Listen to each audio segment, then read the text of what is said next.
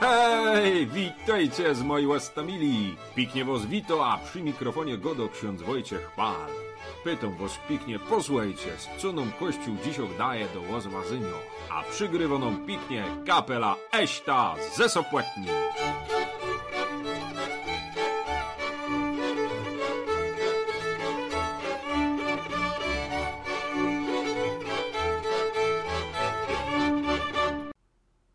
Mamy se dzisiaj, moi ostomili, na ten 9 stycznia, niedzielę Chrztu Pańskiego, poczytamy sobie to Ewangelię od świętego Łukosa z trzeciego rozdziału.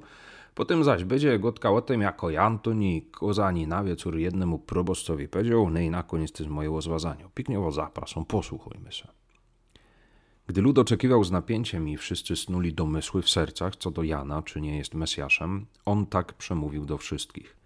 Ja was chrzczę wodą, lecz idzie mocniejszy ode mnie, któremu nie jestem godzien rozwiązać rzemyka u sandałów. On będzie was chrzcił duchem świętym i ogniem. Kiedy cały lud przystępował do chrztu, Jezus także przyjął chrzest. A gdy się modlił, otworzyło się niebo i Duch Święty zstąpił na niego w postaci cielesnej, niby gołębica. A z nieba odezwał się głos: Ty jesteś moim synem umiłowanym, w tobie mam upodobanie.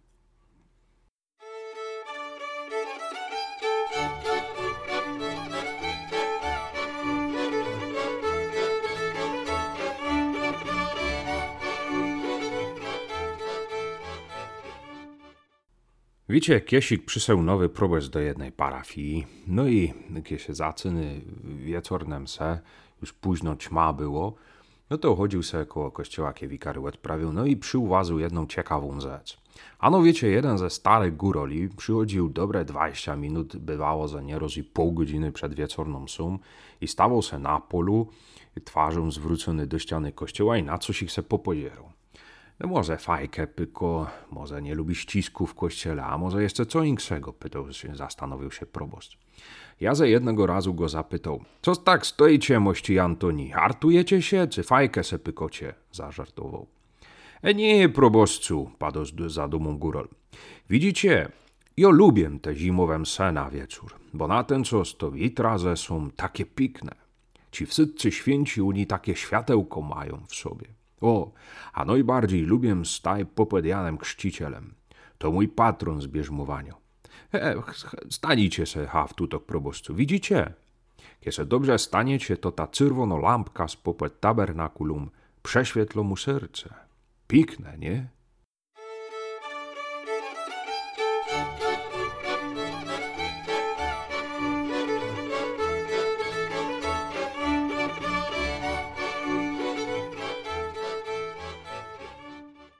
Ludzie snują domysły na temat Jana Chrzciciela. Dlaczego? Bo widzą, że czyni wiele dobra, takiego dobra z górnej półki, nie tylko dla siebie i swojego otoczenia, ale także dla zupełnie nieznanych. Pomaga im się poprawić, nawracać, zmieniać na lepsze, walczyć z tym, co mają złe, doradza i motywuje. Wniosek? Jeśli ktoś czyni takie ponadwymiarowe dobro, to jest kimś wyjątkowym. A co na to Jan? On szczerze, a nie pod publiczkę czy w fałszywej skromności odpowiada, że wcale nie jest taki nadzwyczajny. Owszem, zna swoją wartość, wie, że robi dobrą robotę, chrzci, ale nie ma zamiaru pozować na kogoś, kim nie jest. Wie też, skąd czerpie swoje siły, z kim współpracuje w czynieniu dobra, do kogo podprowadza.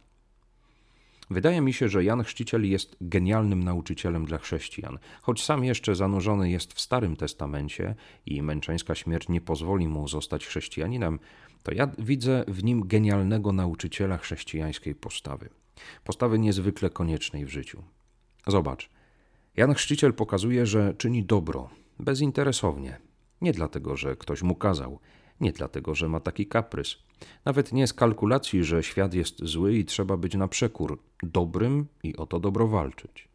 On czyni dobro nie z kalkulacji ewolucyjnej, że jak jesteś dobry, to masz u innych lepiej w czasach kiepskich, ani nie z pobudek handlowych. Daję, żeby mi odwzajemnili, kiedy ja wpadnę w biedę.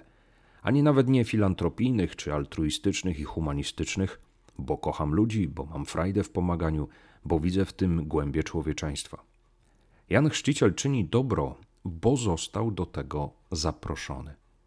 bo go za, Bóg go zaprosił, żeby podprowadzał do Jezusa, żeby swoim czynieniem dobra, chrzczeniem, nawracaniem, doradzaniem i motywowaniem innych i tak żeby pokazywał kierunek. A kierunek jest jasny. Po mnie przyjdzie ten, który będzie was chrzcił Duchem Świętym i ogniem. Jeśli więc chrześcijanin czyni dobro, to ma tym pokazywać na Boga. Masz być tak dobry, żeby ludzie widzieli w Twoim dobrym życiu Boga. Masz prześwitywać.